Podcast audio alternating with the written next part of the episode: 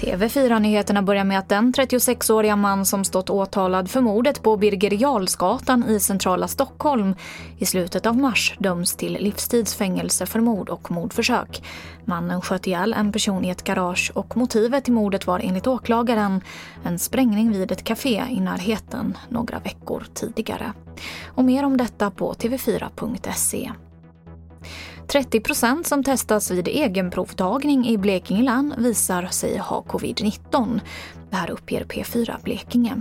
Och I höstas så låg motsvarande siffra på knappt 1 procent.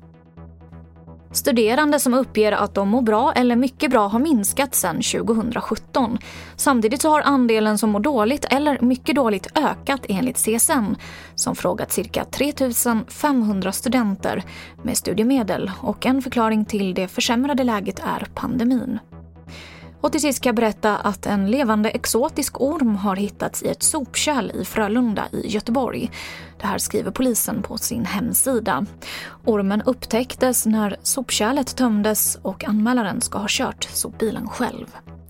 Och det var det senaste från TV4 Nyheterna. Jag heter Emily Olsson.